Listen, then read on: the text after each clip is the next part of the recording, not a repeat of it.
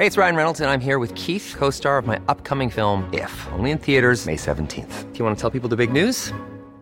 All right, I'll do it. Sign up now and you'll get unlimited for $15 a month in six months of Paramount Plus Essential Plan on us. Mintmobile.com slash switch. Upfront payment of $45 equivalent to $15 per month. Unlimited over 40 gigabytes per month. Face lower speeds. Videos at 480p. Active Mint customers by 531.24 get six months of Paramount Plus Essential Plan. Auto renews after six months. Offer ends May 31st, 2024. Separate Paramount Plus registration required. Terms and conditions apply if rated PG. Mom deserves the best, and there's no better place to shop for Mother's Day than Whole Foods Market. They're your destination for unbeatable savings. From premium gifts to show-stopping flowers and irresistible desserts. Start by saving 33% with Prime on all body care and candles. Then get a 15-stem bunch of tulips for just $9.99 each with Prime. Round out Mom's menu with festive rosé, irresistible berry chantilly cake, and more special treats. Come celebrate Mother's Day at Whole Foods Market. Many of us have those stubborn pounds that seem impossible to lose, no matter how good we eat or how hard we work out. My solution is PlushCare. PlushCare is a leading telehealth provider with doctors who are there for you day and night to partner with you in your weight loss journey. They can prescribe FDA-approved weight loss medications like Wagovi and Zepbound for those who qualify. Plus, they accept most insurance plans. To get started, visit plushcare.com slash weight loss. That's plushcare.com slash weight loss. Burrow is a furniture company known for timeless design and thoughtful construction and free shipping, and that extends to their outdoor collection. Their outdoor furniture is built to withstand the elements, featuring rust-proof stainless steel hardware, weather-ready teak, and quick-dry foam cushions. For Memorial Day, get 15% off your Burrow purchase at burrow.com slash ACAST and up to 25% off outdoor. That's up to 25% off outdoor furniture at burrow.com slash ACAST. I'm amazed how many people own stocks. They, they would not be able to tell you why they own it. They couldn't say in a minute or less why they own it. Actually, you really press them down and say, the reason I own this is the sucker's going up. There's enough cash in the financial system, and there is an infinite amount of cash at the Federal Reserve, an infinite amount Put of cash. Put that check in a money market mutual fund. Then we'll reinvest the earnings into foreign currency accounts with compounding interest, and it's gone. So they had to do something. All they had left was just to print money and start buying things. And that's what they did. Quick buck artists come and go with every bull market, but the steady players make it through the bear market. They say money can't buy happiness. Look at the fucking smile on my face. Hej och välkommen till ett nytt avsnitt av Market Makers. Nu är vi igång med en rapportperiod Fabian, hur känns det? Håller du, vad håller du koll på för något? Det känns fantastiskt. Jag håller koll på rätt mycket saker här nu. Såklart är det de här eh, oljebolagen, alla de här ESG-bolagen jag gillar att kika på. Men sen även är det Back to the Future, kika mycket på bolagen vi snackar om 2020. De här eh, hi hypergrowth-bolagen som fått smaka lite på börsen. Men också såklart de här klassiska FANG-bolagen. De är alltid roliga och kolla på vad händer där. Och såklart bolagen vi äger tillsammans. Klassiska Evo, Mips och så vidare. Ja, och eh, det har ju varit intressanta lägen. Alltså. Vi har ju pratat om det här och vi kommer prata om det ytterligare i dagens avsnitt också. Men det är verkligen intressant det här med, nu har det ju studsat upp senaste dagarna också. Netflix bland annat. Jag eh, tajmar ju den ju perfekt. Jag köpte den tror jag tre dagar innan rapport där de föll 25 procent på en dag. Men då gick vi in istället med bolagskontot och köpte dippen där. Och då frontrunnade vi ju Bill Ackman som sen flaggade upp en position i Netflix. Eh, då studsade den sen upp 11 procent tror jag och idag den, eh, den första februari spelar vi in så är den upp 4 procent till tror jag Netflix. Så den har ju vänt fint. Riktiga losers som investerar i Pershing Capital när man kan investera i Market Makers Capital. Exakt. Det här smart money är. Nej, men det, det är mycket som är intressant där ute tycker jag faktiskt. Just som du säger, mycket som har kommit ner till intressanta nivåer. Vi ska prata lite om det idag. Eh, jag har ett helt eh, långt segment jag har förberett här om och prata lite om det här med när, vad man faktiskt ska försöka fiska upp för någonting. Och sen tänkte vi också prata lite om, det är en del som jämför eh, det som vi ser nu, att det hävdar att det skulle kunna vara någon form av dotcom-krasch 2.0. Att det är it-bubblan som spricker all over again. Och det ska vi kolla lite på också, om det finns någon likhet eller inte, hur man ska tänka kring det. Men vi, för er som inte är så makrointresserade ska vi inte bara prata om det. Vi ska också prata om den här stora konsolideringen som händer på gamingmarknaden just nu. Så är det, mycket ma aktivitet Men som vanligt innan vi hoppar igång så ska vi säga att det inte är någon rådgivande rekommendation. Vi berättar om vår process och hur vi tänker, gör alltid en egen analys och glöm aldrig att alla investeringar är förknippade med risk. Den här veckan sponsras vi av Hubster Group som är på väg in till börsen och nu ansluter sig till aktier för att stå upp för ett bättre börsklimat. Och vi har med oss Hubsters VD Gustav Hesselman. Välkommen till podden. Berätta för oss, vad gör Hubster Group? Tack för att jag får vara med. Jo, Hubster är plattformen för att implementera strategiska initiativ och projekt i mellan mellanstora till stora organisationer. Från högsta chef ut, ända ut till den enskilda medarbetaren. Och det, man kan säga så här, det är ju lätt att ta fram en strategi, men att få att alla att förstå den och göra rätt saker är inte lätt. Och lägger man till att man har så här spridda enheter, så att man har, går från en till två och sen har flera i hela landet och kanske andra länder, tidszoner och andra saker, så kulturella skillnader, då blir det ju mångt mycket, mycket svårare. Och det här är precis vad vår plattform hjälper till att lösa. Vi ser till så att det här går liksom eh, för snabbare effekt av dina strategier och projekt. Om man tar och konkretiserar det lite då, var exakt passar ni in? Vad är era stora konkurrenter just nu? Vad, vad använder liksom företagen idag istället för er?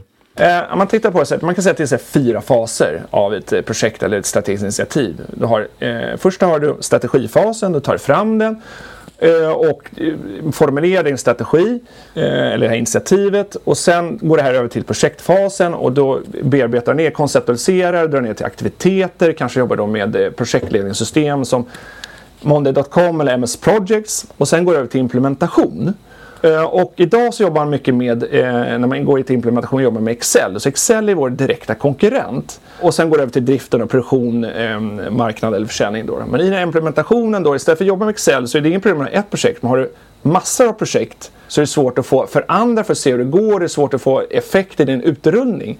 Så istället för att använda Excel så går jag över till Hubster och då kan jag säga att det går ut snabbare, du får faster time to value och alla eh, intressenter kan följa här i realtid. Så det är en stor skillnad. Är det en viss typ av företag som använder det här eller är det alla typer av företag? Och eh, vad sa du där om storleken på kunderna? Nej, men tänk så här, det, men sitter man i samma liksom, byggnad, samma plan och så där, då kanske man inte har lika svårt att nå, nå ut med sina tankar och uh, strategier till alla. Men är man liksom på väldigt stort företag och utspridd, då är ju komplexitet bara att man är utspridda. Eh, så att våran, eh, mångt och mycket så vår lösning passar väldigt stora och utspridda organisationer. Hur eh, mottas er lösning av era kunder? Jo, men det, det är ju det som är det roliga då, är ju för att eh, när vi pratar med våra kunder och jobbar med våra kunder så är det liksom, vi har den initiala effekten är att ja, men det, här, det är svårt att driva igenom förändring. Det är svårt att få, få folk att förstå och jag liksom, de, liksom det här jobbet att driva igenom det. Eh, och det är precis det vi hjälper till med. Och det som är också intressant är att vi har, man har det här initiativet eh, så kan man även då följa i realtid hur det rullas ut i organisationen då, i plattformen. Så att eh, till exempel en affärsområdeschef eller produktägare eller regionschef kan se precis vilka projekt i det området eh, eller strategiskt initiativ i området som, som eh, är igång. Och eh, normalt är det så att du kan säga, ah, men hur, vad är statusen på projekten och hur går det? Du, det kan ta jättelång tid att få fram det. Och med den här plattformen, med vår plattform, så kan du se det på en gång. Och istället för att du liksom ligger efter så kan du då även vara proaktiv. Du kan se att det här projektet i det här området går, ligger efter. Då kan vi se till, lägga till rätt åtgärder och se till så att det rullar på. Och det här ger du resultat i att vi rullar ut eh, förändringar snabbare och det du får eh, mer effekt, eller snabbare effekt av det, de strategierna du fram i ledningsgruppen eller i rummet, i, eh, på, liksom på, i driften, i produktionen eller på marknaden. Och det är ju ett väldigt, väldigt stort värde i det. Hur ser affärsmodellen ut för det här? Säljer ni liksom själva plattformen på någon prenumerationsbasis eller är det mer konsultarvoden? Hur ser den eh, fördelningen ut? Det är en avgift per användare per månad. Och eh, vi har ju absolut har vi lite onboarding-intäkter eh, och så eh, gällande det för att liksom komma igång. Men det är ju en licensaffär, en återkommande licensaffär som är hela, hela grejen. Och eh, de här kunderna vi jobbar med är ju det är ju, vi till exempel då, de har 87 eller 83 000 anställda så att det är ju stora organisationer vi pratar om. Eh, och därmed så gör det här då väldigt intressant. Om du skulle kunna koka ner Hubster Group i en mening, vad tycker du gör er unika? Ja, men det, det finns ett begrepp som alla pratar om som heter execution is everything, det vill säga att få saker att hända. Vi är plattformen som gör att det händer. Vi ser till så att dina idéer får effekt snabbare. Och nu är ni på väg in till börsen, så då undrar jag vad är det egentligen som gör Hubser Group intressant som investering? Ja, vi löser ett reellt problem hos många företag eh, och det här är ett problem som alla i princip känner igen sig i. Och de kunderna som vi främst riktar oss mot är stora kunder och de har en stor licensbas. Eh, och på sikt så är det här ett väldigt, väldigt intressant företag. För vi kommer att accelerera en tillväxt och vi löser ett reellt problem på ett finurligt sätt. Och ni tar in 19,7 miljoner i samband med börsnoteringen. Vad ska ni göra med de här pengarna? Jo, men det är eh, 50 procent för eh, drift och eh, eller expansion och löpande. Och 50 procent då för förvärv. Intressant. Vad är det för typ av förvärv ni kikar på? Finns det intressanta kandidater och på vilket sätt kan de komplettera er verksamhet? Jo, om man tittar på våra tillväxtområden så har vi då vår direktförsäljning understödd av vår marknadsmotor. Vi jobbar med partners som har en stor effekt av våra produkter och tjänster. Och vi tittar då på förvärv. Då. Och ett av de, de områden som är intressanta är undersökningsbolag. Och de här undersökningsbolagen är ju så att de levererar en undersökning, till exempel en kundundersökning. Eh, och eh, så, så, här var nöjda var kunderna i år. Och eh, vi ses nästa år. Istället för att ses nästa år så vill vi då på den här kundbasen sälja på våra produkter och tjänster. Så det är väldigt intressant och det känns väldigt naturligt. Eh, och de här bolagen finns det inte bara i Sverige, de finns i Norden, de finns i delar liksom i resten av Europa och i världen. Då, då. Så att vi har ju då, det är en eh, nyckel till våran eh, tillväxtresa så är det förvärven. Då, då. Och teckningsperioden pågår fram till 11 februari och sen är första handelsdag planerad den 23 februari. Så kolla in Hubster Group och läs mer om deras börsnotering hos aktier.com eller på hubster.com. Länkar till det finns förstås i avsnittbeskrivningen. Vi säger stort tack till Hubster Group. Ja, det är fortsatt stökigt på börsen, men nu har solen i alla fall skinit lite grann.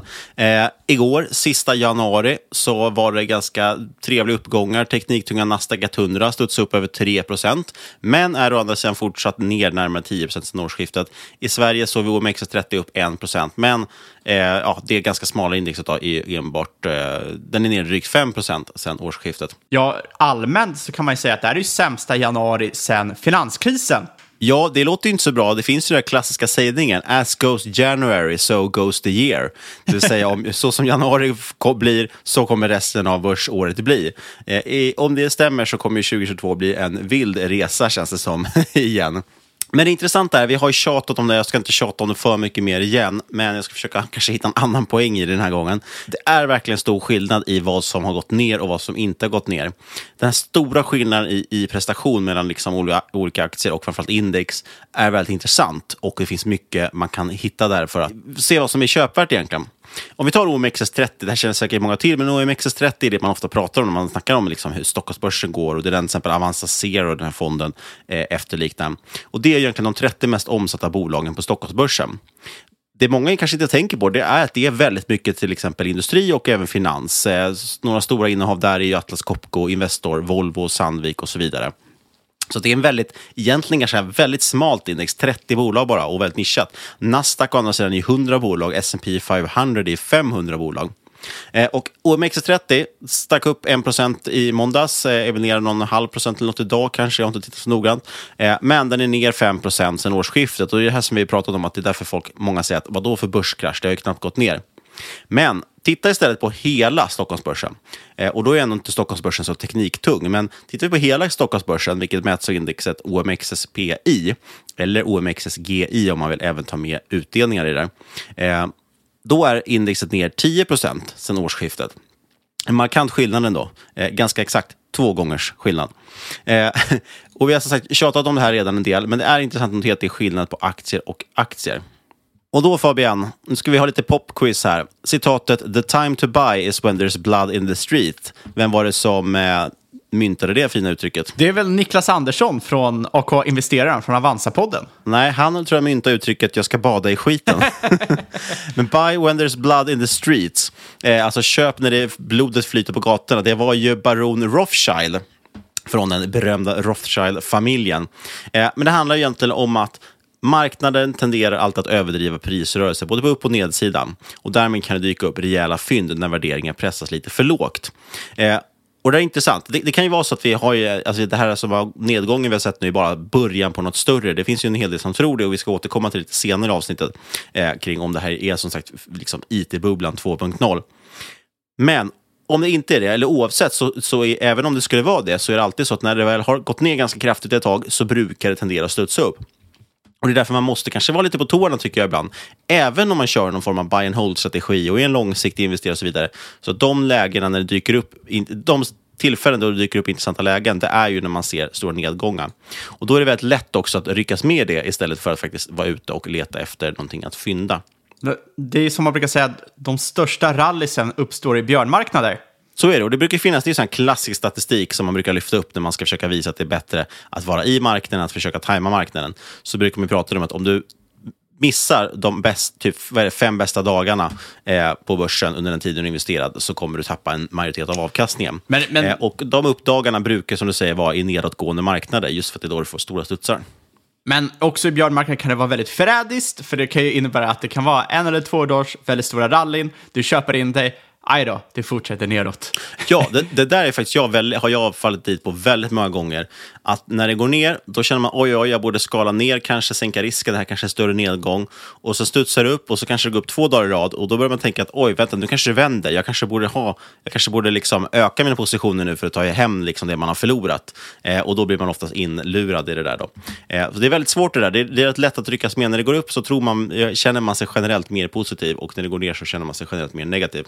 En typisk sån här sak som är, det är väldigt lätt att förstå i teorin, men i praktiken är det väldigt lätt att falla i den fällan. Verkligen. Och det, det är sånt där klassiska också. Om börsen bara går upp, upp, upp, ja då är det väldigt lätt att säga att man är långsiktig i sina investeringar, men när den går ner så känner man inte alls lika säker på sina investeringar. Ja, all, alla har en plan tills de får en smäll på käften.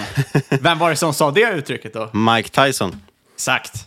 Men poängen jag vill komma till i alla fall är att det är lite som ett gummiband. Om du spänner tillräckligt hårt så kommer det till slut smälla tillbaks. Och det gäller ju åt båda håll. Och i det här fallet nu när det går ner, om du spänner tillräckligt långt så kommer det till slut studsa upp någon gång. Och ska man då in och försöka fynda, ja men då gör man knappast det i OMXS30, som vi redan har förstått. Eh, vi fick 1% upp här efter och den är bara ner 5% year to date. Det är inte där du kommer hitta pengarna det var jättebra om du ägde OMXS30 i nedgången eftersom den har gått ner mindre. Men ska du ut och liksom fyndköpa så är du inte där och letar. Eh, utan då måste man titta i index som har rört sig mer. Till exempel Netflix som vi nämnde i början på avsnittet här. Eh, den är ner närmare 30 procent i år. Eh, men då fick man andra sidan studs på 11 procent om man vågade gå in och köpa dippen på den. Eh, och nu 4 procent till. Att... Och perfekt tills vi släpper det avsnittet är det ner 30 procent till. så kan det vara. Men det jag säger, jag, jag, jag, säger inte att man liksom ska springa ut och jaga aktier som går ner. Det brukar faktiskt vara en ganska usel strategi att försöka köpa fallande knivar. Men vi som är fundamentala investerare, då är det väldigt intressant att titta och räkna och, på bolagen. Eh, och just nu känns det som att det börjar dyka upp fler och fler intressanta lägen i så kallade tech darlings, alltså de här tillväxt och techbolagen som dykt upp. Som ibland fått lite oförtjänt mycket stryk senaste tiden. Ja, det som är intressant är att eh, kika på eh, Russell 2000 Value versus Russell 2000 Growth. Alltså två amerikanska superindex, man ska säga. Det är index med liksom tusentals bolag. Ganska exakt 2000, det är väl därför de heter så. Exakt, men kika nu på skillnaden mellan mars 2020 och nu. Och eh, ja, det man i stort sett såg var ju att eh, mars 2020, ja, för det första, eh, alla small caps blev ju helt förstörda, blev ju helt krossade. Och det var ju helt enkelt för att small caps historiskt sett tenderar ju att falla snabbare för att bid-ask spreaden är ju större, så att det blir större volatilitet där. Men sen såg man att growth i mars 2020 höll sig bättre eh, än value. Och eh, nu är det ju tvärtom. Value är ju ned hälften så mycket som growth. Och det, var ju, det är ju helt enkelt marknaden då såg jag att digitalt skulle behövas. Eh, potentiellt att man drog fram komps alldeles för långt. Man var lite för positivt. Och nu är man liksom på andra sidan bladet. Man är rädd för ett eh, det, liksom avtagande komps, att kompsen kommer avta mycket snabbare än vad man tidigare trott. Så det blev ju, på det sättet blir det också det här gummibandet, att man drar ut eh, projektioner alldeles, alldeles för långt och sen släpper man och så slår det tillbaka alldeles för långt åt andra hållet. Jag tyckte det var intressant. Jag lyssnade på ett avsnitt av eh, Invest Like the Best, den podden, och så hade han med en gäst som jag tyvärr tappar namnet på nu, men duktig techinvesterare i alla fall. Jag tyckte ändå han lyfte en ganska intressant grej. Det som många har varit rädda för nu också är ju att vi kanske ser en inflation som kommer tillbaka. Vi har väl 7 inflation nu i USA. Det är ju ändå historiskt höga nivåer. Eh, jag tror man får gå tillbaka till 80-talet för att se liknande. Ja, och då är det många som har gått tillbaka just och tittat på 70 80-talet och på de här inflatoriska perioderna och sett vad som har gått bra då vad som inte gått bra då och försökt lära sig någonting om det. För problemet är att det finns ju i princip ingen marknad idag knappt som är tillräckligt gammal för att ha upplevt inflation. Det skulle vara Warren Buffett då kanske. Så att många går ju tillbaka och tittar på historisk data och försöker dra slutsatser från den. Och det många då kanske kommer fram till som de ser är att tech gick väldigt dåligt under inflation. Men den stora missen som man gör då enligt den här killen, och jag håller ju med honom till 100%, det är ju det som vi har tjatat om så många gånger, att Tech på den tiden var väldigt annorlunda från vad tech är idag. Tech på den tiden var ju snarare bolag som skapade hårdvara och hade då väldigt stora mycket fabriker och så vidare och så vidare. Det var helt enkelt asset heavy companies, bolag med stora tillgångar. Det här känns som en återupprepning från förra veckans avsnitt. Ja, men det är det jag menar. Jag sa ju att det här har vi sagt, pratat om väldigt många gånger, att det är asset light bolag man vill ha, bolag som inte har så mycket tillgångar. Tittar vi på mjukvarubolagen så har de enorm liksom, pris, eh, pricing power, att de kan sätta priserna själv. De har väldigt, väldigt få anställda sett till hur mycket pengar de genererar och så vidare. och Så vidare. Så det känns som, ändå som att det kommer vara ganska intressant att äga genom en inflatorisk period. Ja, rent allmänt så tenderar man ju att förstora nyheterna här och nu. Eh, det är ju Nassim Taleb, han brukar alltid säga läs förra årets tidning. För då kommer du ju kunna sätta saker i relation. Saker som händer idag, just nu, vi, vi tror ju att de är allvarligare än vad de egentligen är. Hur mycket kommer du ihåg från första februari eh, 2021? Inte så mycket. Nej, det där är faktiskt väldigt roligt. Det är verkligen kul hur både världen i stort förstås, men också just börsen väldigt mycket tenderar att flyttas från narrativ till narrativ. Det känns som bara för någon veck, alltså bara en vecka sedan så var det ju Ukraina-Ryssland, kriget liksom som, som hägrade. Eh, och nu känns det som att det har nästan folk glömt bort redan. Och det går så otroligt fort hur man flyttar fokus mot saker, men det finns ju fortfarande kvar där i bakgrunden. Kom ihåg, man pratade extremt mycket om Evergrande ett tag i Kina, det här stora fastighetsbolaget som skulle göra, skapa en ny finanskris. Eh, finns ju många som fortfarande skriker om det och säger att men vänta, hallå, det här har ju inte försvunnit, det finns fortfarande kvar. Det är fortfarande en stor risk. Men marknaden tar ju inte en dugg hänsyn till det, medan den, medan den en vecka under förra året var det väl, eh, tyckte att det här var det värsta den hade sett någon. Och Det här säger väl ganska mycket egentligen om att timing är väldigt svårt. Så det är inte så som sagt att jag menar att man ska springa in och köpa översålda aktier och tro att de ska studsa upp, men däremot som sagt kan man gå in och räkna på dem.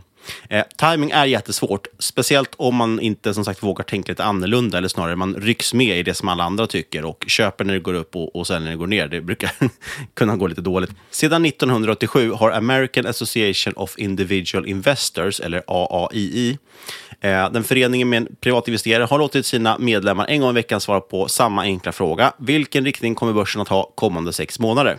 Och då får man helt enkelt svara bullish, bearish eller neutral. Ska det upp, ner eller sidledes? Och de här resultaten mäts ju och publiceras eh, i många stora tidningar och eh, så vidare. Så folk följer helt enkelt det här för att få ett sentiment egentligen bland privatinvesterare. Och björnarna, alltså de som var negativa till börsen, det, den liksom mätningen på antalet björnar toppade förstås ungefär samtidigt som börsen bottnade under coronakraschen. Och nu var det dags igen. Antalet björnar hade ökat väldigt snabbt upp till ungefär samma nivåer faktiskt som coronakraschen för 2020. Eh, och ganska precis där så fick vi nu den här studsen på börsen. Och det säger ganska mycket. Det är alltid typiskt så att när det är som mest negativt, det är då det brukar vända uppåt. När allting bara går upp så vågar man vara positiv, men när det går ner så till slut kommer även den mest obotliga optimisten bli negativ. Och därav som sagt att man ska köpa, men när blodet flyter på gatorna. Du, du, du vet vad de brukar säga om björnar? Björnar har fel så ofta, så när de väl hade rätt så gjorde de en film om dem. Några fall som jag tycker varit ute och handlat nu när det har varit blod på gatorna, det är ju inom gamingvärlden. Det har varit enormt mycket ma action inom spelvärlden med förvärv hit och dit. Microsoft la ju häromveckan bud på Activision Blizzard. 69 miljarder dollar i cash. Det är pengar det med. Activision Blizzard känner vi alla till. De är börsnoterade under ticken ATVI. De äger ju spel som Overwatch, Diablo, Warcraft, Starcraft, Call of Duty, Candy Crush också via svenska King. Eh, och det här passar nog klockrent in i Microsofts spelportfölj med tanke på att de har sitt Xbox och de har sitt Game Pass som verkar vara omåttligt populärt. Ja, det ska bli intressant här nu om de kan sätta snurr på liksom, management i bolaget. Det har ju varit senaste året har det varit mycket kritik kring management och intern kultur och liknande. Men eh, som gammal World of Warcraft-spelare har ju jag varit kritisk mot Activision Blizzard minst senaste tio åren för hur de hanterat sina spel och helt i stort sett. De, de har kunnat skapa bra spel, men de har inte kunnat hålla i det särskilt bra. Eh, och det har man ju sett också på till exempel Overwatch som de har kört i diket rätt hårt. Ja, men precis. Och det där du nämner med att, att det varit problem med management, det är faktiskt just det jag vill komma till när det gäller det här med att buy when there's blood in the streets. För det har varit en hel del saker kring Activision Blizzard som har stormat. Dels som säger allmän kritik mot management, men det har också varit rapporter och artiklar om diskriminering och, och, och liksom oschyssta villkor och det ena och det andra. Väldigt mycket negativ publicitet kring bolaget och dessutom sen åkte, på, åkte ju liksom tech och gaming på eh, en rejäl nedgång på börsen. Och då passade Microsoft på att köpa och det är egentligen ganska bra kapitalallokering. Det är väl det jag vill försöka, komma, försöka trycka på. Eh, budet var på 95 dollar per aktie. Det är en premie på närmare 50 procent, så det är inte så att de har, de har fått ta i från tårna då för att få det här. Men eh, aktien handlas runt 65 dollar. Och det, det som är intressant är bara för ett år sedan, då stod ju faktiskt aktien i över 100 dollar. Så på ett år så har det ju då liksom nästan halverats. Eh, sen tyvärr då får de lägga det som premie, men så de köper det för, för samma pris som för ett år sedan kan man säga. Det, det som är galet när de köper det här till en prislapp på 69 miljarder i cash, det är att när vi spelar in det här, det är första februari 2022. För tio år sedan, alltså ungefär april 2012, då köpte Facebook Instagram för en miljard dollar. Och det tyckte man var en sinnessjuk summa att köpa ett bolag för. Och sen, sen, sen, är det såklart stor skillnad Instagram då versus vad Activision Blizzard är nu, visst. Men hur de här uppköpen har stegrat i, stegrat i pris senaste årtiondet är helt inte absurt, men det är nästan fantastiskt. Det är helt galet faktiskt. Jag tror att det här köpet kan bli rätt intressant. Det är riktiga kassakor man har i den där spelportföljen. Aktien handlades till under P 20 innan budet. Nu budet då ligger på typ P 28. Och det här är för ett bolag som har bruttomarginaler över 70 procent, vinstmarginaler är 30 procent eh, och marginaler och avkastning på investerat kapital har ju stadigt tränat uppåt de senaste fem åren. Så jag tror att det här kan passa in rätt bra. Det finns säkert mycket saker man kan slasha bort där för att trimma ner också. Ja, bara Candy Crush drar väl in cirka 2 miljarder dollar om året i intäkter. Men nu kommer i alla fall nästa intressanta förvärv. Idag, 1 februari, så kom det ut att Sony förvärvar Bungie, som är mest kända för Halo-serien. Och det här är lite intressant. Sony, de är också börsnoterade förstås, japanskt bolag. De betalar 3,6 miljarder dollar. Känns lite billigt jämfört med Microsofts kassa för Bungie. Och det här är ju roligt ju, för Sony äger ju Playstation, kanske inte kommer som någon chock för någon, vilket alltid varit en riktig nemesis till just Microsofts Xbox. Och vad var det som fick Xbox att sticka ut mot Playstation när Xbox lanserades och alltid varit det som gjort liksom varit unikt med Xbox? Jo, det var ju Halo-serien som Bungie då utvecklades. Och det är otroligt rörigt hela den här historiken. För Bungie som sagt utvecklade Halo, Microsoft köpte upp Bungie, men sen knoppade man av det, eller liksom spann av det, men behöll eh, Halo-serien eh, som idag ligger under något underbolag kring Xbox. Bungie blev då fristående igen, sen gick Bungie ihop med Activision för att igen knoppas av till fristående bolag. Nu köper Microsoft Activision och Sony köper Bungie. Det är en otroligt rörigt eh, att följa hela den här historiken med de här bolagen. Men som sagt, väldigt intressant att det sker M&A och jag har sett att en hel del rykten om att det är många andra stora intressanta affärer på G också. Så det här är verkligen en sektor man ska fortsätta hålla koll på. Ja, vi missade ju där i början också. För några veckor sedan så köpte ju Take-Two upp Synga. Just det. De är en av världens största mobilspels eh, publishers och utvecklare. Bland annat kända för, eh, heter det Farmville va, på Facebook? Mm. Eh, och eh, det är intressant för mobil drar ju nu in 50% av intäkterna i spelindustrin och växer ju snabbare än alla andra segment. Och då förstår man liksom lite var Take-Two kommer ifrån eftersom de inte, har inte så utvecklat liksom, mobilspelsegment som till exempel Activision Blizzard har med Candy Crush. Mobilspel växer ju 7% versus eh, industrin som helhet som växer strax över 1% per år. Um, så att man förstår ju liksom lite här att Take-Two med sina GTA, Red Dead Redemption och Borderlands vill ju kunna expandera till en annan marknad, ta de här kraftiga IP-erna, skyffla in dem i mobilspel och eh, på så sätt locka in eh, nya, ja, nya, nya spelare helt enkelt. Jag tänkte vi ska bara, innan vi går vidare här, jag tycker det var väldigt intressant med det här Activision Blizzard mot Bungie. Jag ser många här som kanske är lite rädda för att de här spelen som Activision Blizzard har kommer bli exklusiva för Microsoft. Eh, att de kommer ha någon typ av eh, eh, de, de vill spärra av det här för konkurrensen. De vill inte att till exempel Activision-spel ska finnas på Xbox och så vidare. Men jag tror att det här potentiellt är väldigt, väldigt fel, framförallt ur Microsofts synvinkel. För att om du kollar på spelutveckling, då är det en väldigt stor hög upfront-kostnad. Det kostar ju väldigt mycket att utveckla de här.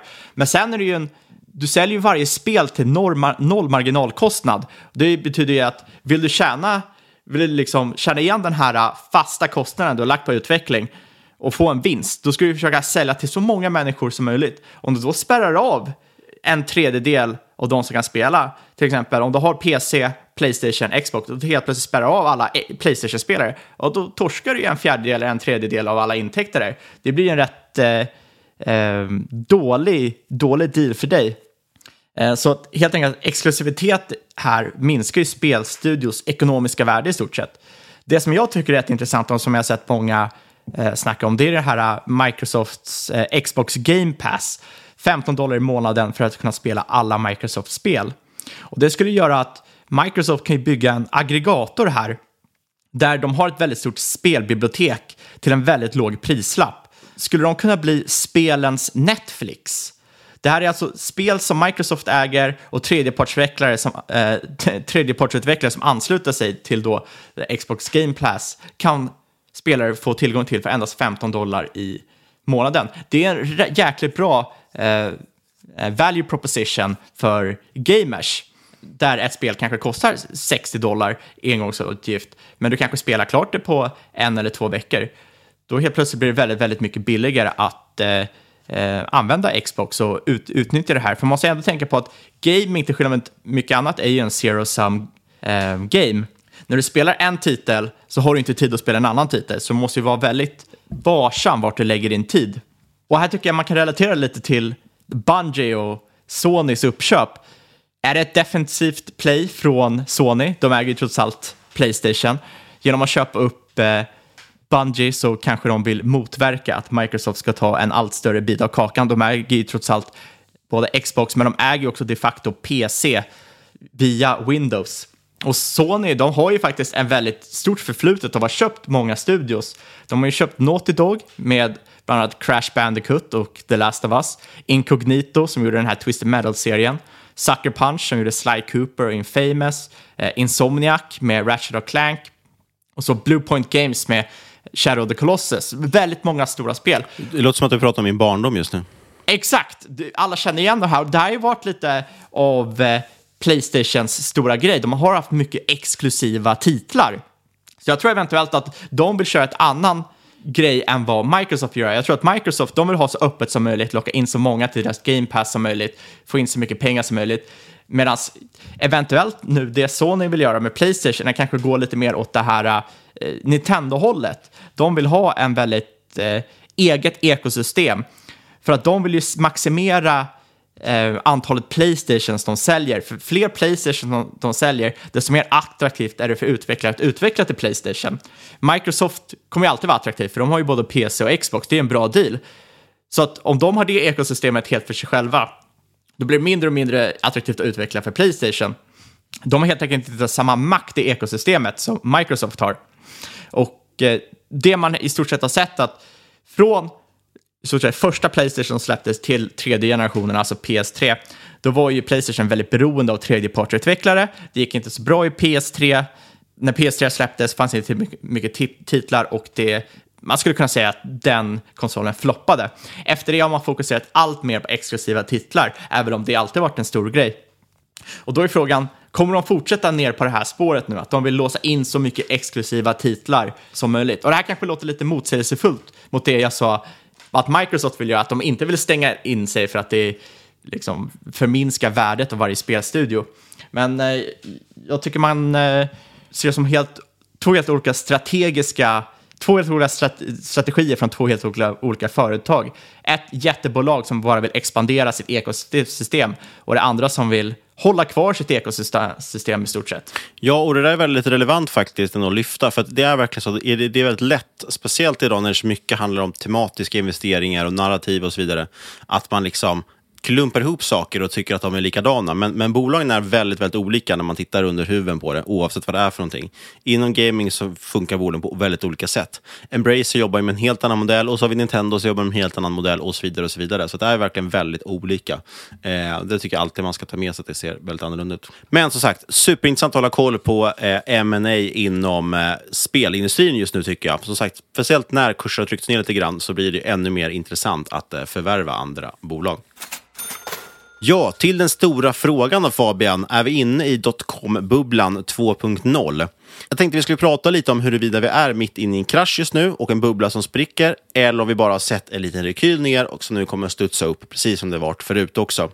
Eh, och jag har sett många som drar likheter med just dotcom-kraschen eh, kring 2000-talet där, av förståeliga skäl också, då det är just olönsam tech med höga multiplar som har drabbats allra hårdast i den här nedgången. Vi har sett bolag som Peloton som gått ner 80 procent och så vidare även om all, de flesta bolag fått känna på det så är det som sagt just den här typen av bolag som har eh, drabbats hårdast. Men frågan är om det verkligen är liksom dotcom-kraschen 2.0. Och jag fastnade här lite vid en graf just över utvecklingen under eh, it-bubblan 2000 och hur den såg ut när den sprack. Eh, Datatrick, de har gjort en jättefin graf som sammanfattar bubblans olika faser. Eh, marknaden hade ju trendat uppåt i åtminstone något år, eh, när det sen slog över till att helt börja stiga paraboliskt från Q4 1999 fram till mars år 2000. Och här menar ju de då att det här är det som är själva bubblan, så att säga, när det stack iväg så här exponentiellt och folk tappade fattningen totalt. Under cirka två kvartal steg börsen, Nasdaq i det här fallet, över 65 procent för att sen toppa i mars 2000. Och först möttes man av en kraftig nedgång på närmare 40 procent under sex veckor. Det känner man igen lite från eh, coronakraschen. Och det är väl den här fasen då man skulle kunna hävda att vi är i just nu, om det skulle vara så att det exakt upprepar sig samma sak nu. För vi har sett väldigt mycket aktier som sagt som har fallit liknande nivåer på ungefär samma typ av tid. Nasdaq har senaste fem åren stigit 240 procent. Jag tycker inte alls det ser lika paraboliskt ut som det gjorde 2000, eh, eller 99 då, om man ska vara exakt. Men det är just den här långsamma stegringen och framförallt en liten upp, upptakt i slutet som man såg också även under dotcom-bubblan. Och framförallt måste man häpna lite över uppgången sedan coronakraschen mars 2020. Från absoluta botten för snart två år sedan så har Nasdaq stigit hela 100 procent. Det är ganska imponerande ändå. Eh, och sen precis som dotcom-bubblan så har det ju nu toppat då i Q4, om det var toppen, eh, för att sen börja falla kraftigt. Och senaste tre månaderna är indexet ner över 10 procent. Men som sagt, har studsat lite här nu de senaste dagarna. Så, skulle det nu vara så att det här är exakt samma sak som ska upprepas igen, ja då har vi antingen bara påbörjat en nedgång som ska bli 30-40% ner. Då skulle man sedan kunna hävda som sagt att redan i många namn har fallit så mycket, om inte mer. Och det kanske är så att Nasdaq inte är det bästa indexet att kolla på den här gången eftersom det till största del består av de här FANG-bolagen. De har ändå stått emot det ganska väl jämfört med mycket annan tech eftersom de är just lönsamma och eh, så pass stora och genererar så mycket kassaflöde. Eh, Peloton som sagt är ett mycket bättre extremfall på det här. De gör ju de här motionscyklarna med en stor skärm på som du kan ha hemma och träna. Eh, riktig coronavinnare. Och nu är aktien ner över 70 procent senaste tre månaderna. Netflix som jag tagit upp, ner 45 procent under samma period. Och övriga FANG-bolag, de är bara ner runt 10 procent under den här perioden. De har ju någonstans gått in i den här tråkiga delen av aktiemarknaden istället och eh, är lite mer defensiva för att vara tech. Faktum är till och med att Apple, alltså ett av A där i FANG, är ju faktiskt upp 7 procent under den här perioden. Vilket är intressant med tanke på alla supply chain issues de har. De har ju haft jättesvårt att skeppa iväg sina eh, iPhone 13 och möta den efterfrågan. Men det verkar ha prisats in ändå. Och i Sverige har vi också sett många extrema fall. Folkaktien Evolution har tappat över 20 procent de senaste tre månaderna. Många andra bolag har tappat ännu mer. Eh, så som sagt, börjar låta väldigt tjatig om det här nu, men index har kanske inte kraschat, men under huven ser det betydligt värre ut. Om vi återvänder till IT-bubblan då. Efter den här starka nedgången när luften gick ur så följde sen en ganska snabb uppgång och det gav nog många hopp att nu är det igång igen. Eh, och sen köpte man väl in sig och så ångrade man sig snabbt och sen följde ytterligare 50-60 procent av kommande månader. Det är det som är tråkiga med, med börsen ibland, att det kan alltid halveras en gång till, som man brukar säga. Från toppen, eh, och det var i mars 00 då, då pågick en björnmarknad i cirka 19 månader med en total nedgång på närmare 80 procent här bör man notera, tycker jag, att man som sagt hade alltså en stadigt nedåtgående, nedåtgående börs i närmare två års tid. Och Den här typen av sed, segdragna björnmarknader, det är ju inget konstigt alls historiskt. Men väldigt många yngre investerare har inte alls fått uppleva den här typen av börsnedgång. Det är jätteintressant nu allt som har skett till exempel med Wall Street Bets och hela den här mentaliteten med att stonks only go up och buy the fucking dip och allt man säger. Att det har verkligen varit så. Varenda gång vi liksom haft ett minsta lilla nedställ på börsen så har det alltid lönat sig att köpa den dippen och så har det ökat igen. Och det finns till och med de som hävdar att vi inte längre kommer få den här typen av längre nedgångar eftersom allt går så mycket snabbare idag. Och det då ska även gälla börsen. Eh, och coronakraschen var väl verkligen extremfallet på det. här. Den var ju både historiskt snabb nedåt och sen historiskt snabb uppåt. Och efter det var det ju många som drog slutsatsen att okej, okay, marknaden den rör sig nu så här snabbt. Vi kommer få snabba fall, snabba uppgångar istället för de här långa, segdragna björnmarknaderna. Eh, så en, en björnmarknad klaras av liksom på två veckor istället för två månader eller två år. Jag håller väl inte riktigt med där när det kommer till corona. Corona var ett väldigt speciellt fall då Fed gick in och plöjde in pengar på marknaden. Om man nu kan sä säga att det är det de gör. Men, och, men, det, är, det är också det, men det är också det by the fucking dip-mentaliteten har kommit från. För att man vet att Fed finns alltid där i bakgrunden och kommer rädda upp det om det skulle gå ner. Äh, så det, det håller jag absolut med om. Och jag tycker det är väldigt intressant att tänka på hur dagens informationssamhälle reagerar på en börsnedgång. För det är, vi har tagit upp det här förut i podden också, så man återupprepar sig lite, men det här är ändå första gången i världshistorien vi potentiellt exponeras för en krasch när samhället har så pass mogen infrastruktur, data och informationsinfrastruktur som man faktiskt har nu, idag. Det fanns ju inte på samma sätt 2008. Du hade inte samma typ av eh, kommunikation online, eh, information spreds inte på samma sätt och framförallt framför allt så allmänt så anser jag att kunskap är mycket mera lättillgängligt idag, både om du kollar professionellt och eh, retail. De flesta är mycket mer kunniga kring börsen, kring ekonomin idag än för tio år sedan. På samma sätt som att vi 2008 så var snittpersoner mycket mer kunniga än vad de var tio år tidigare som involverade med börsen och sen tio år innan det. Det är bara naturens lagar. Jag är också väldigt intresserad av att se det. Om man skulle se en, en krasch eller nedgång som kanske är lite mer normal än pandemitider där Fed inte drar i alla spakar, utan man låter det gå ner. Kommer det vara som eh, tidigare bear markets, att det tuggar ner i två, tre år? Eller kommer vi snarare se att det vänder tillbaka efter tre, sex månader, att det faktiskt är mycket snabbare cykler? Jag vet faktiskt inte, men det ska bli otroligt intressant. Jag, jag kan tänka mig att det blir mindre panik bara av det att folk har mer av de här tank, eh, tankegångarna att du ska köpa när det är blood on the street. Det känns som gemene man har koll på, på, det och bara att du vet att det är så man ska göra, även om du själv inte följer det, bara att folk vet det idiomet eller det tankesättet rättare sagt, gör ju att det kommer påverka hur många handlar. Ja, och man påverkar varandra på sociala medier. Eh, det är bara att titta Exakt. på hur Twitterflödet ser ut eller vad man är inne någonstans. Eh, så är det så fort man har minsta nedgång så går folk ut och, och pratar om att de köper dippen och de visar att de är ute och liksom köper varenda nedgång.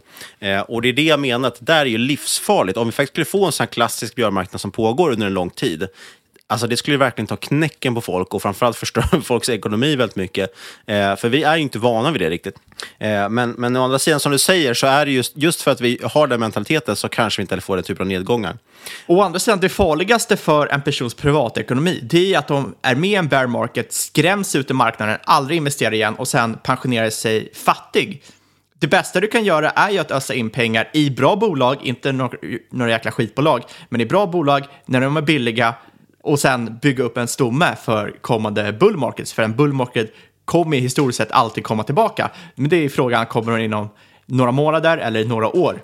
Helt rätt. Eh, så, så, så, så, det tror jag verkligen kan hjälpa, för jag vet ju själv att jag har ju träffat många personer online som sitter och pratar samma case som jag är intresserad av, som jag kanske inte alls annars hade eh, exponerats för. Och de kan ju komma med information, inte så mycket så här, ah, by the dip, men snarare, ah, har du sett det här information kring det här bolaget, den här analysen, som gör att man alltid håller sig uppdaterad om det som händer, som man kanske inte gjorde för fem eller tio år sedan. Framförallt tidigare på 2010-talet än vad det är nu.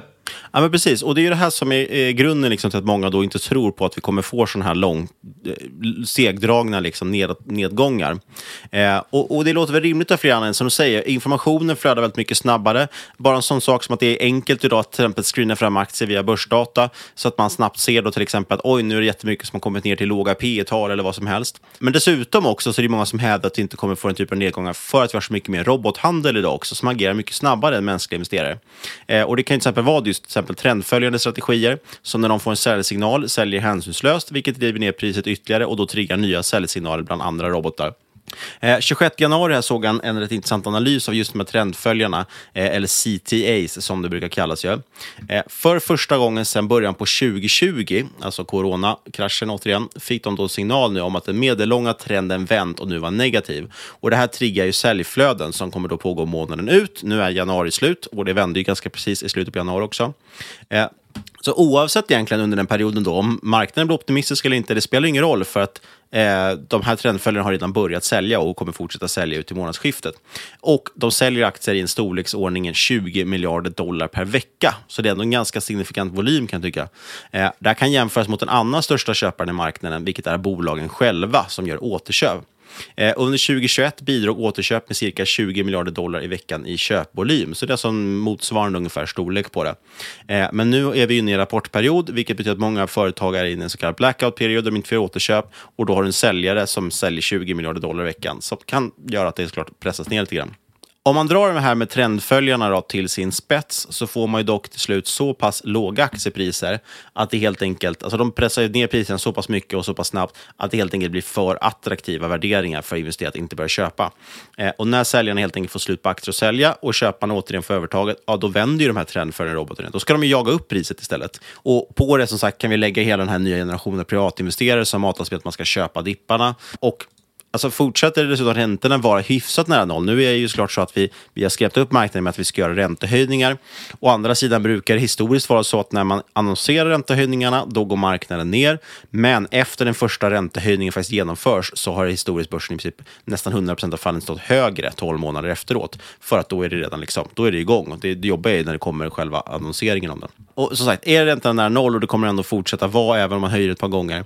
Eh, cash är liksom inte ett alternativ för varken privat investerare eller institutionellt kapital. Då blir det aktier som är intressant och någonstans här då Ja, det, det, finns helt enkelt mängder av köpare som gärna kommer till undsättning med dipp. Och det talar ju för att, det här, att man ska få de här snabbare uppgångarna kanske. Det skulle ju betyda att istället för månader eller år av sjunkande priser och, och framförallt ett ständigt sjunkande aktieintresse bland investerare och en allmän misstro på framtiden kanske, så kanske vi istället får de här korta men otroligt intensiva krascherna som sen återhämtar sig fort. Och jag personligen i alla fall, hoppas ju verkligen att det är fallet. För jag bara tänker på vad det skulle innebära för en själv och för, för men allmänt, vad tråkigt det skulle vara att ha åratal av nedgång på börsen. Eh, det skulle bli väldigt dött på sociala medier känns som. Eh, jag tänker på alla de här stackars aktiepubbarna som helt plötsligt skulle vara helt tomma. Det skulle sitta någon ensam stackare kvar i dem. Eh, och framförallt så är det ju otroligt knäckande att behöva se sin portfölj konstant tugga ner till värde över ett år. Och du har helt rätt Fabian i att det absolut bästa man kan göra, det är egentligen det bästa som kan hända för din portfölj, att du får en rejäl krasch. Det är då man har chans kanske att komma ikapp de här stora liksom, tillgångsklyftorna som har skapats i världen. Eh, det är då man kan börja ackumulera, liksom, ackumulera på riktigt eh, och sen få en rejäl uppgång i, det, i de aktierna så småningom. Men jag tror samtidigt att tyvärr är det ju som så, det har vi sett historiskt också, att de flesta blir istället skrämda och tappar intresset när det bara går ner och ner och ner. Eh, och då är det inget kul att vara med. Generellt brukar det tyvärr vara så att de flesta privatpersoner, de kommer in i slutet av marknadens uppgång eh, och lämnar då igen i, i, efter nedgången för att aldrig mer komma tillbaka igen. Och det är därför det finns de här klassiska sägningarna om att liksom, ja, när taxichaffisarna börjar ge aktietips, då ska man ut ur marknaden. Det är ju för att sådana här privatpersoner oftast varit senast in. Det som jag tycker är kul med det här, det är att eh, folk, de jag ser som säger det, det är de som är taxichaufförerna. Det är dig Peter Lynch menade. ja. Peter Lynch menar ju alla som inte var institutionella investerare. Och det är det som är så kul när folk som är lite smug och suttit där och handlat aktier i 5-10 år. Åh, nu hörde du något taxitips här. Jo, jo, men Peter Lynch menade dig också. det är liksom, sluta vara så god, eller vad heter det? Ja, men verkligen. Och jag, jag, tycker ju verkligen inte att det är något negativt med högt aktieintresse. Det är intressant att notera att aktieintresset är på rekordnivåer just nu. Till exempel kan vi kolla på liksom sammanlagda viktningen mot, eh, mot aktier jämfört med, med räntor och likvider eh, hos amerikanska hushåll och eh, eh fonder där. Eh, och då tittar vi tillbaka 30 år i tiden kan vi se att den enda gången vi varit i närheten av så hög andel aktier eh, i privatpersoners och, och, fonders portföljer var just under dotcom-bubblan faktiskt. Då hade privatpersoner och fonder ungefär 51 procent vikt mot aktier jämfört med likvider och räntebärande instrument. Idag är vi uppe på 53 procent. Och nu tror jag att många reagerar på det här. Vadå 50 procent? Är det mycket? Det är rekordnivåer. De flesta som lyssnar på den här podden tror jag ligger närmare 100 procent i aktier, om inte till och med mer kanske. Men då får man tänka på att som sagt, det här räknar även in fonder och så vidare. Och just den här kombinationen räntepapper och aktier är en väldigt vanlig portföljmix. Den här klassiska 60-40-portföljen eh, är ju fortfarande väldigt, väldigt stor. Extremt vanligt i USA till exempel. Ja, och tänk dessutom på att faktiskt, om du slår ut över alla hushåll även i Sverige, vi som är aktieintresserade, det är klart att vi sitter med 100% aktier, eh, men majoriteten av, av befolkningen har ju också ett väldigt stort, ofta kanske buffertspar eller någonting. Och eh, pensionsfonder och så vidare måste dessutom hålla räntor och cash för att kunna göra sina, möta sina betalningar helt enkelt. Ja, det, det är bara att hålla koll på hur dålig folk förstår vad risk är. Du har ju tre val när du ska handla en fond. Låg risk, mellanrisk eller hög risk. Och då tänker folk hög risk, jag vill inte förlora mina pengar. Så jag tar en lågriskfond. Och då sitter de ju där med sina jäkla räntepapper och noll aktier, kanske någonting i Atlas Copco. Eh, och, så det man, man ska inte fokusera på den här 50%-siffran, utan man ska fokusera på hur den ställer sig mot det historiska snittet. Eh, och det historiska snittet ligger kanske snarare på 30 eller 40 procent. så det är en markant ökning och som sagt rekordnivåer. Eh, och det förklaras ju av dels såklart ökat aktieintresse generellt, men också förstås sjunkande räntor, vilket har tvingat in folk i risktillgångar som aktier. Eh, men sen finns det också förstås jättemånga andra signaler på att börsintresset är enormt, inte minst i sociala medier. Var och varannan influencer ser man nu plötsligt börjar lägga upp suspekta kryptovalutor eller aktieraketer i sina Instagram-stories. Jag såg till exempel härom veckan så var det Samir. Har du koll på vem Samir är? Eh, jag vet att han, eh, han var med i Big Brother. Paradise Hotel tror jag han var med i. Ja, samma sak. Ja, senare artist också med hits som Saxo fucking Fån och Put your hands up för Sverige. Eh, han meddelade i alla fall på sin Instastory, Instastory att han sålde sina kryptoplaceringar nu för att han inte klarade av att förlora mer pengar. Eh, och två dagar ungefär efter det vände det. Nu dock är jag lite inne på gränsen till ett beteende som jag egentligen inte vill uppmuntra, det vill säga med att man driver med folk som kommer in som kanske innan har varit väldigt ointresserade. Eh, för jag tycker att man ser det här väldigt ofta, precis som du är inne på med att, att man driver liksom man ser ner på taxichaufförer som kommer med aktietips och precis på samma sätt så liksom ser man väldigt många som, som missunnas och, och, och driver med att, att aktier är så populärt och vill håna nybörjare och framförallt kanske kändisar. De kanske, det är ändå då kanske lite att man sparkar uppåt, vad vet jag. Eh, och man ser saker som att så här, ah, hoppas vi får en rejäl sättning snart så folk får se vad en riktig nedgång innebär och så vidare. Och jag kan förstå var det kommer ifrån, för det är frustrerande, framförallt när man ser folk som glider in på börsen, eh, köper de mest övervärderade skräpaktierna och istället för att lära sig en värdefull men dyr läxa istället blir miljonärer genom ren tur för att marknaden ibland agerar irrationellt. Sen får de här personerna kanske ibland också en massa trogna följare som då de börjar kränga de här värdelösa investeringarna till. Eh, ofta då kanske investeringar vars huvudsyfte är att berika skaparen snarare än följarna.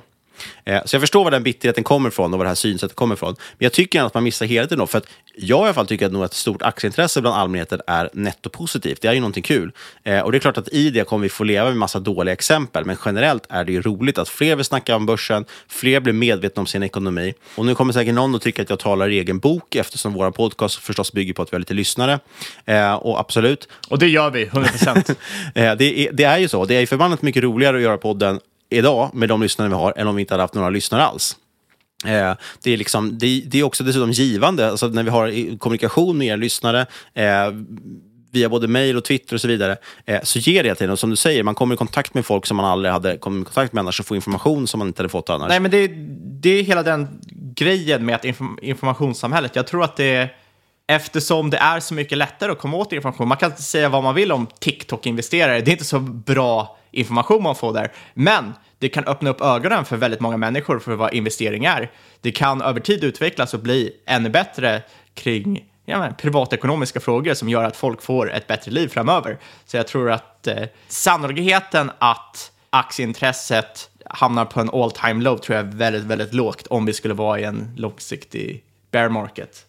Ja, jag tycker i alla fall att vi ska vara glada över att fler blir intresserade av börsen. Eh, och tillsammans, kanske istället för att håna folk, så ska man försöka vara med och utbilda de nya som tillkommer, så att de lär sig att man inte ska liksom falla för nästa aktieraket, eh, och att köpa vettiga saker. Men det var inte det som frågan. Frågan var om vi upplever dotcom-kraschen 2.0 eller inte. Problemet är ju förstås att ingen vet vad som ska hända i framtiden. Eh, I backspegeln ser det alltid väldigt självklart ut. Eh, och experter står och uttalar sig självsäkert i tv om varför börsen gick upp eller ner. Eh, det där kan vara nästan komiskt ibland för att man kan alltid hitta en katalysator till varför börsen har gått upp eller ner.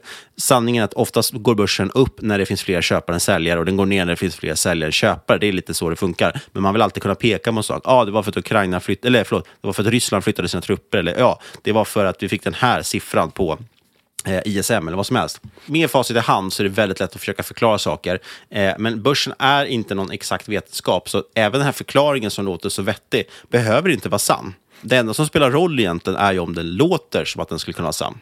Och om vi tittar tillbaks på idag om sex månader och ser att det här var början på en större nedgång, då kommer väldigt många säga vad var det jag sa och berätta att du var så jäkla korkad som köpte Mips på P 100 men faktum är att det finns ju precis lika många argument idag för att det, att det var en alldeles utmärkt idé att köpa Mips till P 100 eh, de senaste tre åren när aktien har gått upp mer än 500 procent. Bolaget har under perioden växt vinst per aktie med snitt 60 procent per år och det förstod ju varenda en då att det motiverar ju en helt annan prislapp än gamla tråkiga Ericsson som fanns till P 15 för den vill ju ingen äga något så osexigt. Och de ser jättekloka ut i, i backspegeln nu när den har gått upp men om det hade gått ner istället så är det helt andra människor som ser, som ser smarta ut.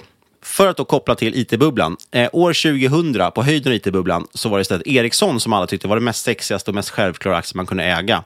Eh, ett tag eh, var faktiskt Ericsson så gravt övervärderad att den stod för närmare 40 procent av hela Stockholmsbörsens värde. Kan man jämföra, sig, eh, jämföra mot idag när folk skriker sig hesa över att FANG-bolagen, och de är ändå fem bolag, Ericsson är ett, de står för närmare fjärdedel av amerikanska börsindexet S&P 500 då skriker folk om att det är, galet. Eh, men Ericsson stod alltså för 40 procent av hela Stockholmsbörsens värde. Eh, och Ericsson toppar någonstans kring 750 kronor. Vid det laget kan jag tänka mig att det var många som var övertygade om att den skulle spräcka tusenlappen, men istället gick det ner till 16 kronor och en nedgång på över 90 procent. Och det är ändå intressant där, för att det är saker verkligen som vi är inne på, det kan se så självklart ut när man väl står i det och det kan även se självklart ut i efterhand. Amerikanska techjättarna, det är väldigt många tycker jag som man ser idag och, och jag kan räknas in där också, eh, som har väldigt svårt att se hur de skulle kunna gå ner. Varför skulle inte de vara nästa Ericsson? Eh, vad skulle få till exempel Google, som till och med har liksom ett eget verb och idag närmast har monopol på webbsökningar. Eh, de äger också världens mest använda operativsystem till mobiler. De äger världens mest använda webbläsare. Och så har de förstås kassakon YouTube som senaste kvartalet genererade intäkter på 30 miljoner kronor i timmen. Jag tycker helt ärligt att det är ganska svårt att hitta ett rimligt, vettigt liksom, argument för varför Google eh, och company skulle tappa sin dominans och tappa majoriteten av sitt börsvärde. Eh, men det är ju väldigt korkat annars att avfärda det kan ske, precis som det gjorde med Ericsson. För bara drygt ett årtionde sedan så var det helt otänkbart att Nokia skulle tappa sin ställning som världens största och bästa mobiltillverkare. Och idag minns knappt folk vilka Nokia var. De ägde nästan halva mobilmarknaden, men sen kom Apple, ställde allt på ända med sin iPhone. Eh, 60-70-talet hade man i USA så kallade Nifty 50-bolagen. Det var ju de bombsäkra blue chip-aktierna som helt enkelt inte gick att förlora pengar på. Och några av de här bolagen gick faktiskt väldigt bra i slutändan. Eh, American Express, Coca-Cola med flera. Men så har vi också Polaroid, Kodak och så vidare som verkligen på den tiden hade världsdominans men idag inte ens finns kvar. Ja, och, ja, exakt. De här Nifty 50-bolagen, det var ju väldigt högvärderade bolag. Eh, många som hade P över 100, vilket på den tiden var väldigt mycket. Nu är det väl var och varannat bolag som har det. Nu är det sådana PS 100 som man tycker är hiskligt dyrt. Men i stort sett så var ju tankegången där, Nifty 50, de här bolagen, du kan köpa dem, hålla dem och aldrig sälja dem. Och det hade de på sätt och vis, med facit i hand så var det faktiskt intressant att de hade det. Ja, i facit i hand så det tog väl 20 år för att du skulle få tillbaka dina pengar, men hade du ägt alla de bolagen så hade du gått plus i slutändan. Du hade faktiskt fått en rätt respektabel avkastning enligt Howard Marks. Precis, jag tror att Howard Marks har skrivit mycket om det där, för han var, jag tror att han började i finansbranschen under den tiden och fick ju höra det här med att Nifty 50 var liksom bombsäkert. Eh, och han tittade ju på just som du säger, den avkastningen, att höll du faktiskt de här 50 bolagen över 25 års tid så gav det i slutändan en bra snittavkastning. Men de flesta sålde dem antagligen längs vägen. Det som är intressant när man kollar på eh, Nifty 50 är att de blev ju högvärderade och de värderades ju upp på det här Nifty 50-talesättet. Kom ju till i bullmarknaden i början på 70-talet. Och sen kraschade de ju 1973-1974 i björnmarknaden som sen uppstod av höjda räntor och ett ökande oljepris. Vilket är lite i samma territorium värld nu. Så det ska bli intressant att se. Ja, precis. Och poängen helt enkelt är för att det kan se ut som att ett bolag är helt solklart idag, men det behöver inte vara det imorgon. Och det ska man ändå ta åt sig. Och, och bara det faktum tycker jag att det inte finns något riktigt bear case för Google och company borde få investerare att dra öronen åt sig. För det finns inget företag som kan leva för evigt, eller för den delen växa 30% per år. Någon gång måste tillväxten avta. Och det, det, kanske dröjer tio år till, men någon gång är marknaden mättad för annonser och, och, och så vidare. Eh, och då kanske inte Google ser lika spännande och köpvärde ut. Och det är kanske det som skulle kunna vara scenariot för det här egentligen. Att det kanske inte är så att vi får någon spektakulär krasch, utan helt enkelt så bara tappar man sakta men säkert tillväxt, det stannar av lite grann, eh, tappar lite fart varje år. Det blir mindre och mindre nya intäkter och samtidigt så sväller ju arbetsstyrkan och framförallt deras löner och optionsprogram. Eh, det äter sig in på marginaler vi ser också att Google till exempel, om vi nu ska basha på dem här ikväll, eh, har ju också, gör, har, sänker ju sin ROIC just när det gäller till för, förvärv. De gör ju väldigt mycket förvärv som inte leder till några pengar alls egentligen. Och det kanske är så att Google Sök, YouTube, Android och Chrome kanske fortsätter ha marknadsdominans även i framtiden, men att bolagets vinst står stilla eller till och med minskar för att marginalerna pressas. Och då blir kanske aktien lika ointressant som Ericsson för oss idag. Exakt, det blir för moget bolag för att det ska vara intressant att egentligen äga, förutom en jättedefensiv portfölj. Och den här tanken tycker jag är intressant, för går man sen in och tittar på hur marginalen ser ut för just Google, så är det faktiskt så att de senaste fem åren eh, så har marginalerna trendat nedåt i Google. Det förvånar mig lite grann. Eh, kanske visar på att det finns någon form av substans bakom den här spekulationen. Det som har dock vänt det här är ju att deras enorma liksom, pengapåse har ju möjliggjort för dem att bygga en av världens största molntjänster. Eh, och jag tror faktiskt att det är Google Cloud som gjort att just senaste året så har man brutit den här trenden och faktiskt börjat öka marginalen igen. För att molntjänster har varit en extremt hög marginalprodukt. Ja, jag tycker ju liksom att, att kolla på pris och jämföra det med dotcom-bubblan eller värderingar, jag tycker inte det är så jätteintressant egentligen, för att det är mycket parametrar som är annorlunda. Jag tycker det är mer intressant att kolla på eventuella likheter i sentimentet. Och jag tycker att det är rätt mycket så här, som är liknande nu. Och speciellt 2020 och 2021 som var väldigt likt dotcom-bubblan. Då hade du de här galna börsnoteringarna, till exempel Snowflakes kom in på en rekordvärdering. Eh, var och varannans mamma satt och var daytraders, sitter fortfarande daytraders. Ser, känns som man dagligen har senaste åren sett folk som har varit långsiktiga investerare som går över, ah, jag ska bli daytrader på heltid. Ja, framförallt mycket, mycket nyhetsartiklar också om att folk säger upp sig från jobbet för att bli daytrader. Och, och börsnoteringarna var ju på rekordnivåer, men dessutom så hade vi spackarna också. Exakt. Eh, då är också väldigt mycket spekulativt beteende. Hela det här meme-stock-rallyt är ju i grunden spekulation. Eh, mycket i krypto är ju spekulation. Um, där tycker jag faktiskt det är jättemycket grejer, för att där är verkligen många som har gått från, från rags to riches, så att säga, inom krypto, eh, som kom från ingenstans. Många liksom, så, väldigt, väldigt unga personer också som har blivit mångmiljonärer, till och med miljardärer. Där man kan känna ofta väldigt mycket likheter med just de som hyllades som idoler under dotcom-bubblan, eh, som var, hade de här dotcom-bolagen. Det känns ofta som att det, det, det, finns mycket likheter där, tycker jag, emellan. Det, det som är intressant med det här, och jag säger inte att vi är där alls just nu, men jag läste om boken When Money Dies av Adam Ferguson för ett tag sedan som handlar om hyperinflationen i Weimarrepubliken, alltså Tyskland efter första världskriget. Och alla vet ju att det var hyperinflation där, man har sett bilder på folk med pengar i skottkärror för pengarna är inte värda någonting alls. Men grejen var, i början av den här inflationen, då trodde alla att de blev rikare. Eh, de satt och köpte alla möjliga typer av eh, assets, spekulerade hejvilt, allting gick upp i pris och i stort sett befolkningen trodde att de blev eh, rikare för varje dag som gick, vilket är en väldigt intressant spaning. Eh, och inte alls så annorlunda som de senaste åren har varit där alla har köpt nästan vad som helst. Man kan ju säga vad man vill om till exempel NFTs, men mycket där är ju skit. Jag säger absolut inte att allting är det. Men du köpte allting i eh, hopp om att bli rikare. Du köpte alla typer av krypto, alla typer av eh, skitbolag. Och eh, ja, lite liknande tendenser där. Men sen också, men jag säger absolut inte att vi är inne i en hyperinflation, men jag tycker att det var intressant, eh, intressant spaning.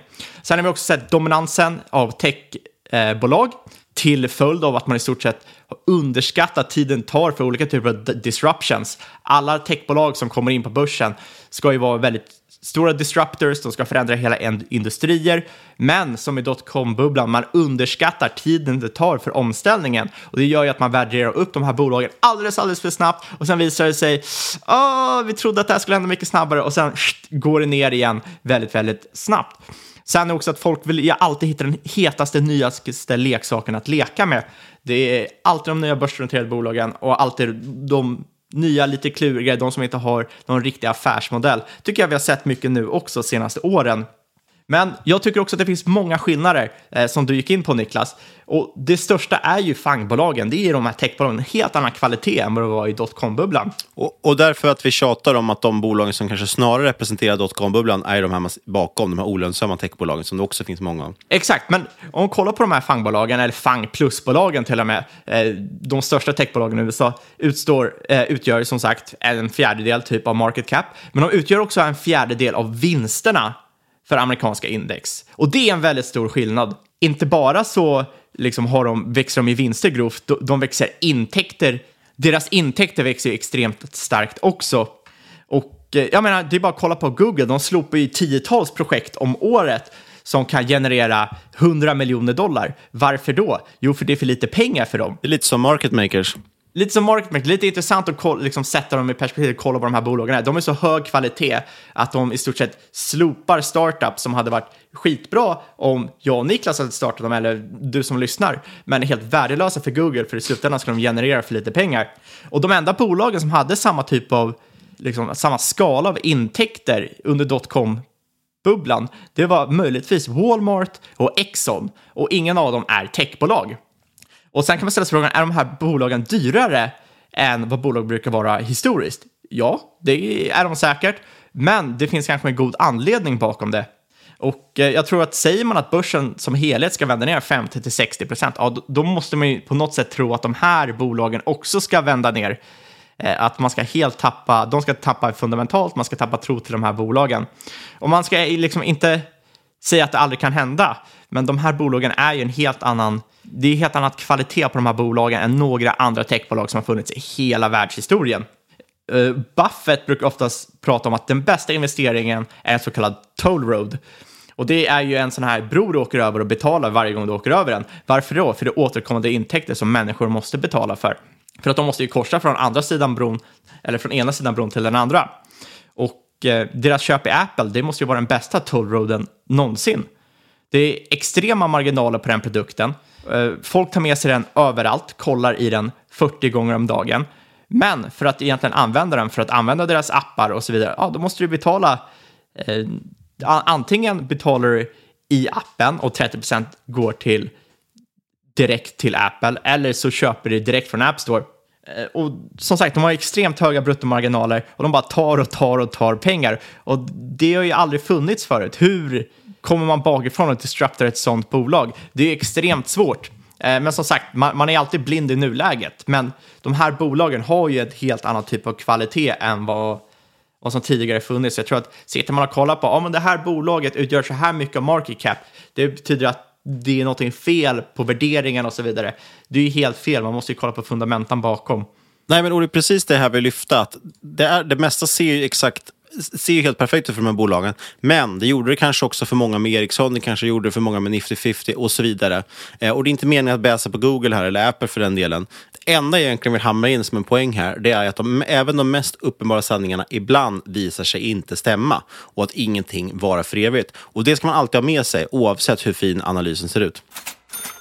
Inget av den här podcasten ska ses som rådgivning. Alla åsikter, egna LVS och eventuellt sponsorer tar inget ansvar för det som sägs i podden. Tänk på att alla investeringar är förknippade med risk och sker under eget ansvar. Och vi vill återigen tacka Hubster Group. Kolla in dem på aktier.com, axyer.com eller på deras egna hemsida hubster.com. Länkar finns i avsnittbeskrivningen. Kontakta oss jättegärna på podcastet marketmakers.se eller på Twitter, marketmakerspod. Där ser vi också nu att vi håller på med Twitterfonden som är superkul. Vi har gjort det första bytet nu. Det var väl Fragbite som åkte ut och eh, SmartEye som åkte in tror jag. Eh, så den kan ni Smart följa är ju upp eh, 4 idag. Ja, det så det var väldigt bra. Ja. Bra trade. Så att, eh, följ den på Twitter, at marketmakerspod. Och glöm inte lämna en recension på iTunes så vi klättrar i lyssnarrankingen. Och sist men absolut inte minst, stort tack för att du har lyssnat, kära lyssnare. Vi hörs igen om en vecka.